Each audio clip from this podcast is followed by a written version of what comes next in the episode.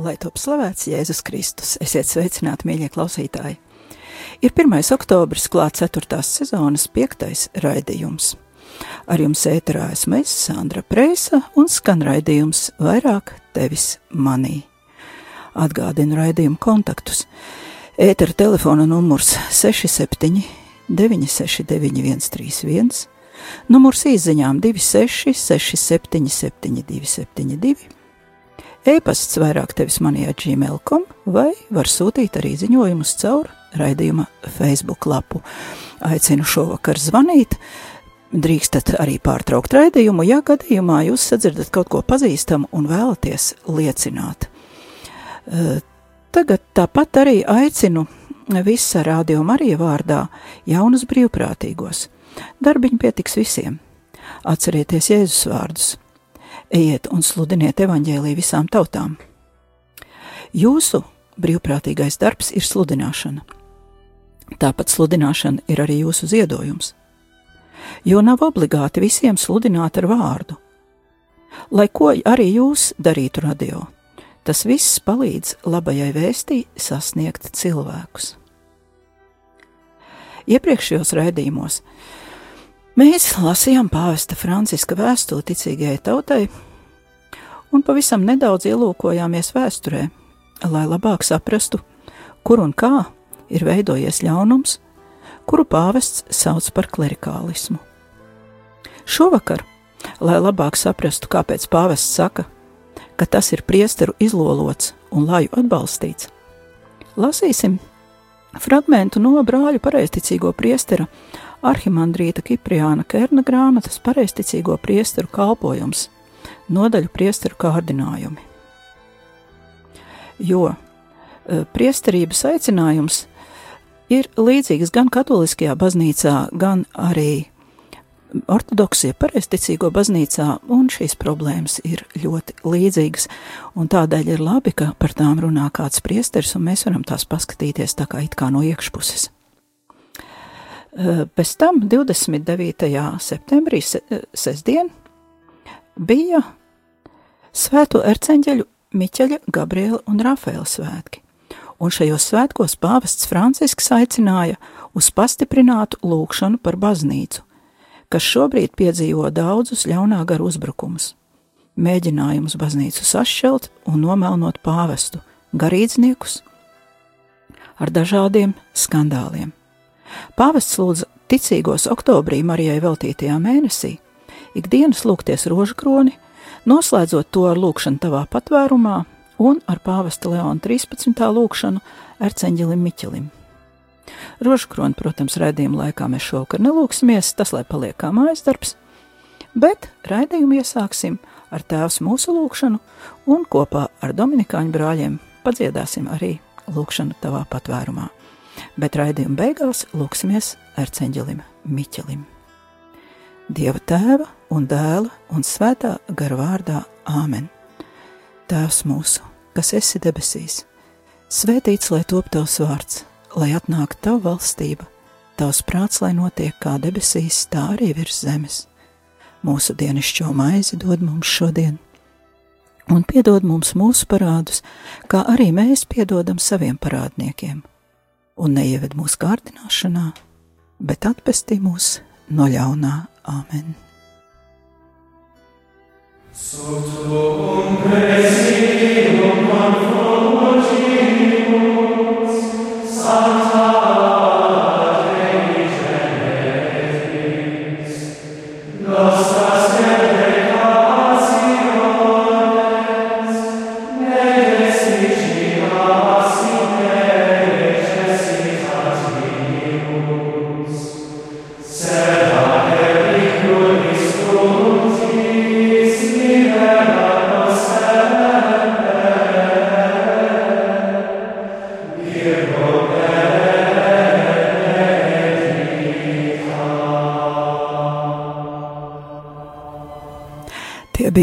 Dominikāņu brāļi no Vašingtonas, bet mēs tagad lasīsim un uzmanīgi ieklausīsimies Arhimandrīta Kipriāna darbā un, protams, skatīsimies uz sevi.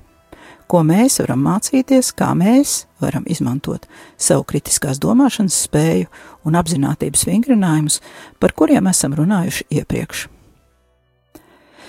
Un ko mēs varam darīt, lai paši izvairītos no kļūdām un muļķībām, kuras apraksta godājamais garīdznieks. Šo tekstu es izvēlējos, jo tas labi papildina pāvesta rakstīto gan par jaunajām herēzēm, kuras vērojams baznīcā, gan arī vēstūticīgajai tautai, kuru lasījām pirmajos divos sezonas raidījumos. Ja jūs pirmos raidījumus nesat dzirdējuši, tos var noklausīties Radio Marija arhīvā, un pirmie divi raidījumi ir tieši pāvesta vēstule.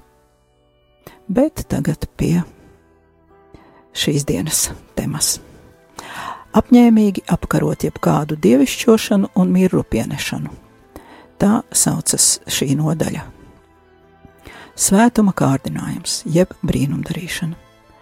Šis kārdinājums ir uzskatāms par visbīstamāko no visiem priesteru kārdinājumiem. Tā bīstamība izriet tieši no tā, ka tas nāk no augstākajiem kristīgās dzīves standartiem, no tieksmes pēc īpašas likumiskās pilnības, bet pavisam nemanot, var ievest priesteri paštīksmināšanās un gara augstprātības grēkā. Priesterim ir jātiecas uz svētumu, jeb kā saka svētais Gregors teologs, uz debesu lietām, uz debesīgumu. Ar visu savu būtību, ar visām savām darbībām, viņš stāv visvētākā priekšā. Katru dienu stāvot pie altāra, Viņš kļūst par vidutāju starp cilvēkiem, kuri meklē svētumu, un Dievu, kurš ir visa svētuma avots. Viņš veic svētdarošas darbības, lūdzas, fiziski pieskaras svētumam. Konsekrācijas brīdī viņam tiek dota žēlastība, kura ir augstāka par visu. Kā saka Efraīms Sīrietis, viņa kalpojums ir augstāks par jebkādu valdnieka kalpojumu. Jo dziļāk priesteris ieiet savu kalpojumu ritmā, jo vairāk viņš tiek šā svētuma atmosfēras caurstrāvots. Pieskaroties traukam, kurš izplata dievišķo smaržu, arī pats priesteris to uzņem sevi un sāk smaržot, un tas viss ir pilnīgi legāli. Šajā virzienā arī ir jāvērš savas garācis. Svētumam ir jābūt katra altāra kalpa normai. Jebkura sakramentāla darbība, kuru izdara priesteris, ir milzīga uzdrošināšanās lūgt no dieva brīnumu un katru reizi šis brīnums notiek, neatkarīgi no priestera personīgajām īpašībām, viņa gudrības, izskata, dotībām un tam līdzīgi. Ūdens top svētīts, grēki piedoti, evaharistiskās dāvanas pārvēršas par miesu un asinīm, tiek svētītas ikonas, krusti, mājas, mašīnas, zivķeramie tīkli un vispār jebkura lieta. Visa priestera kalpošana ir teorģiska, dievišķojoša, Viss parastais un ikdienišķais pēc viņa lūgšanas kļūst svētīts, neparasts un nesvētām rokām neaizskarams. Īsāk sakot, priesteris dzīvo un darbojas brīnumu un brīnumainā atmosfērā. Viņa darbības sfēra ir brīnumu darīšana. Tas viss neapstrīdami, pilnīgi likumīgi un acīm redzami izriet no pašas altāra kalpa būtības. Priesteris lūdzas, aizlūdz, piesauc, bet svētā gara žēlastība visu piepilda, dziedina un svētdara. Tāpēc ir pilnīgi dabiska arī priestera tieksme uz vēl lielāku svētumu un uz vēl lielāku uzdrīkstēšanos. Pilnveidošanās likums ir dots, un šai izaugsmē robežu nav un nevar būt, jo mērķis un robeža ir paša Dieva debesu tēva svētums, kurš pats par sevi ir bezgalīgs un bez robežām attiecībā pret cilvēka dabu un tieši tāpat kā kādreiz eņģelis kārdinātājs pieprasīja parādīt brīnums mūsu kungam, lēkt no svētnīcas jumta, jo eņģeļi taču nepieļaušot, ka viņš nokrīt, un rezultātā brīnums notikšot. Tā arī katram priesterim reiz pienāk brīdis, kad viņa dzīvē uzrodas eņģelis kārdinātājs, un kārdina viņu tieši tajā pašā brīnumu darīšanas sfērā. Starpība ir vienīgi tajā, ka pats Sātans gaidīja no kunga pašnāvības aktu, kārdinot viņu ar svēto rakstu fragmentu, kurš, starp citu, bija nepre, neprecīzi citēts. Kamēr šeit ļaunais kārdina jauno priesteri, iestāstot viņam, ka viņš pats un neviens cits savas pilnības un apdāvinātības spēkā jau ir sasniedzis tādu svētumu pakāpi, ka brīnums var darīt pats. Priesteris tiek aizskārts, jeb noķerts pašā smalkākajā un augstākajā, kas vien var būt viņa kalpošanā, pilnības un svētuma ideālā. Viņam tiek iedvesta kārdinoša doma, ka viņš jau ir sasniedzis kādu īpašu robežu un kļuvis pilnīgs. Draudzes gans nemanāmi sāk piedēvēt sev to, kas pieder nevis viņam, bet gan svētā gara žēlastībai. To, ko gars mierinātājs dāvā caur sakramentiem un citu kalpošanu, pilnīgi neatkarīgi no kalpotāja personīgajām īpašībām un talantiem. Šis altāra kalps sāk uzskatīt par atkarīgu no viņa paša personīgajām īpašam, īpašībām un sasniegumiem, no sava garīguma, no lūkšanas dzīves, askezes varoņdarbiem un tam līdzīgi. Līdzīgi maldi vispirms atklājas noskaņojuma un sajūtu sfērā, nekā prāta un teorētiskajā. Šī novirze ir vairāk psiholoģiska nekā racionāla. Priesteris ļoti labi saprot, ka svētdarošais spēks pieder svētiem garam, bet augstākas svētuma pakāpes iegūšanu viņš jau piedēvē sev, savai svētuma pakāpei un varoņdarbiem. Citāta beigas. Kā jau dzirdam, pagaidām ir runa tikai par priesteriem, un īsti nav saprotams, kāds tam sakars ar klerikālismu, lajiem un vēl vairāk ar vardarbību baznīcā. Taču klausīsimies tālāk, visam savs laiks.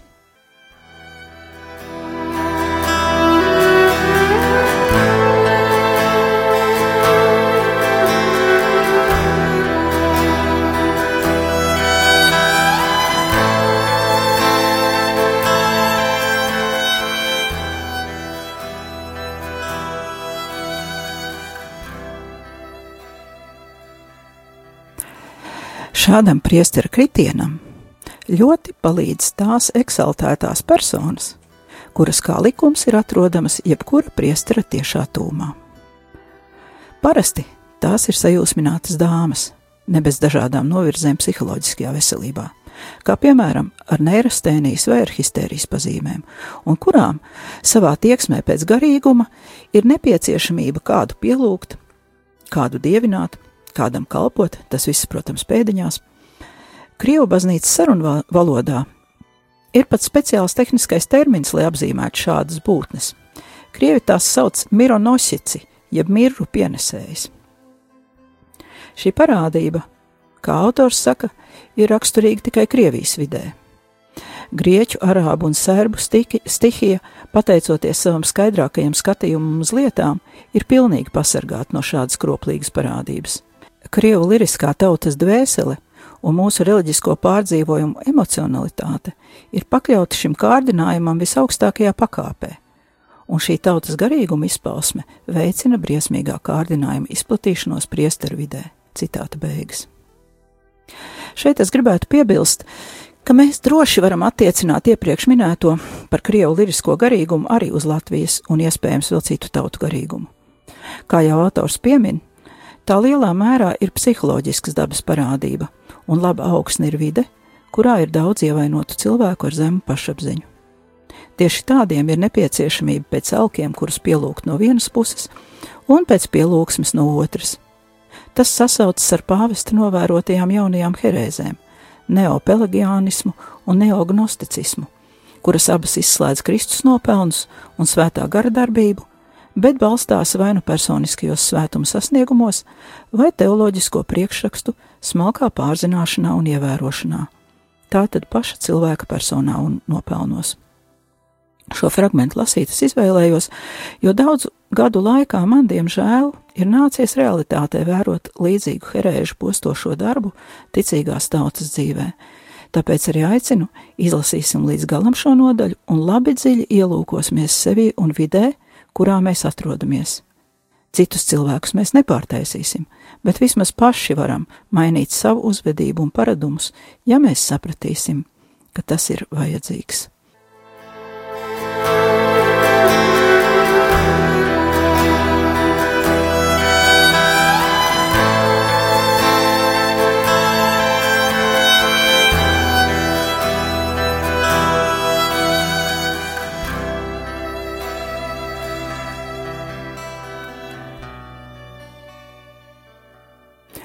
Un turpina Arhimandrīts Kipriāns.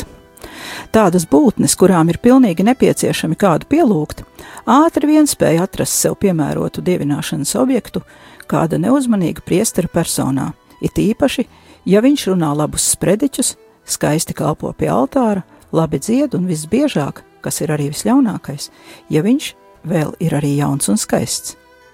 Katrs viņa vārds tiek noķerts lidojumā, viņa balss izsauc trīsas un satraukumu, katrs solis un žests tiek iztulkots īpašā veidā. Tāds priesteris jau vairs nav spējīgs kļūdīties. Katrs viņa vārds ir gudrības pērle, katrs sprediķis pārspēja Jāni Zeltamuti, viņa lūkšana dzīve uguns dieva priekšā. Viņa lūkšanām tiek piedāvāts brīnumains spēks tur, kur tā nav, kur ne medicīniskā, nekādā citā nozīmē vispār nav bijis nekāda brīnuma. Gans šo likumisko histēriķu acīs, un kas ir vēl sliktāk, arī pats savās acīs, kļūst par īpašu lūdzēju, neparastā veidā garīgi apdāvinātu. Viņam ir privileģēts stāvoklis Dieva priekšā, viņš dziedina un dara brīnumus. Viņā tiek atrastas īpašas dāvanas. Viens vienīgs viņa rokas pieskāriens jau atvieglo neārstējamas slimības, kuras nepakļaujas modernajai medicīnai. Viņš redz cauri cilvēkam, lasa domas un spēj paredzēt nākotni. Metropolīta Antonijas skarbajiem un tiešiem vārdiem runājot, tāds priesteris sāk kronštaķiķi, jeb izlikties par svēto kronštatas Jāni.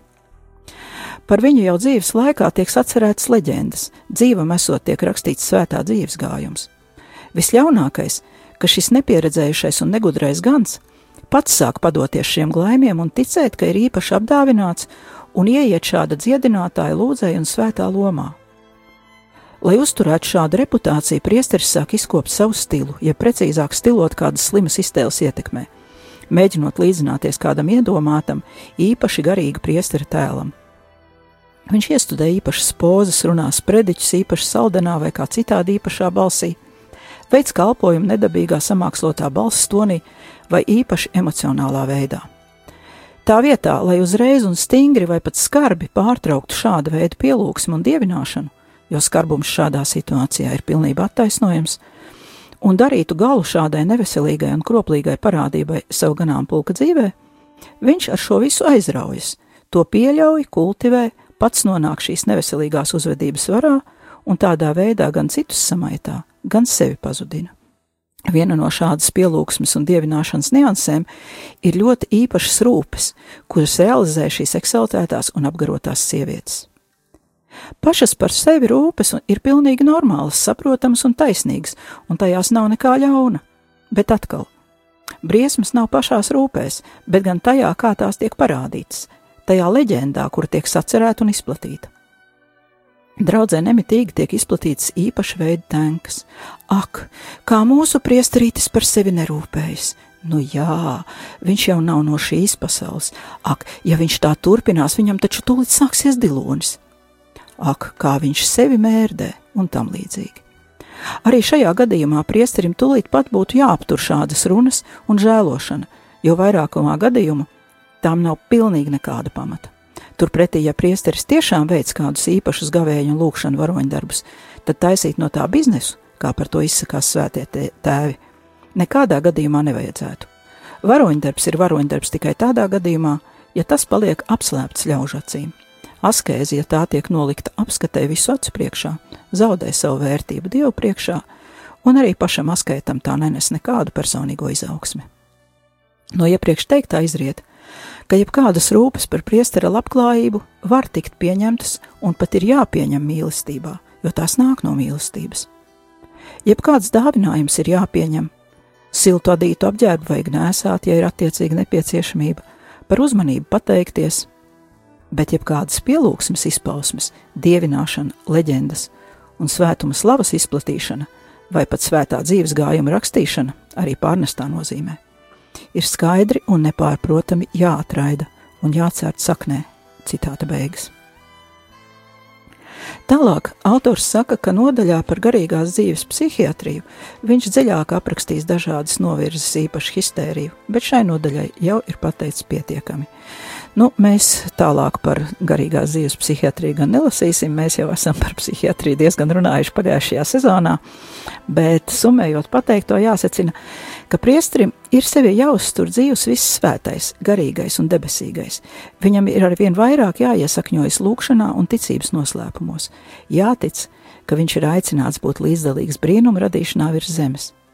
Bet vienlaicīgi viņš nekādā gadījumā nedrīkst piešķirt sev ne mazākos nopelnus, uzskatīt sevi par īpašu lūdzēju vai izredzēto, bet tieši otrādi - darīt sevi pazemīgu, vispirms pats savās acīs, tad arī draudzes priekšā. Bet kas ir pats galvenais?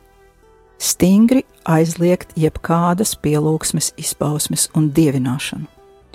Sākumā mēs jautājām, kāds šim visam, ko mēs šovakar lasām, ir sakars ar klerikālismu.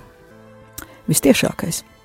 Ja priesteris tiek pielūgts un viņš pats to pieļauj, veidojas slimīga izpratne par priestera varu un autoritāti.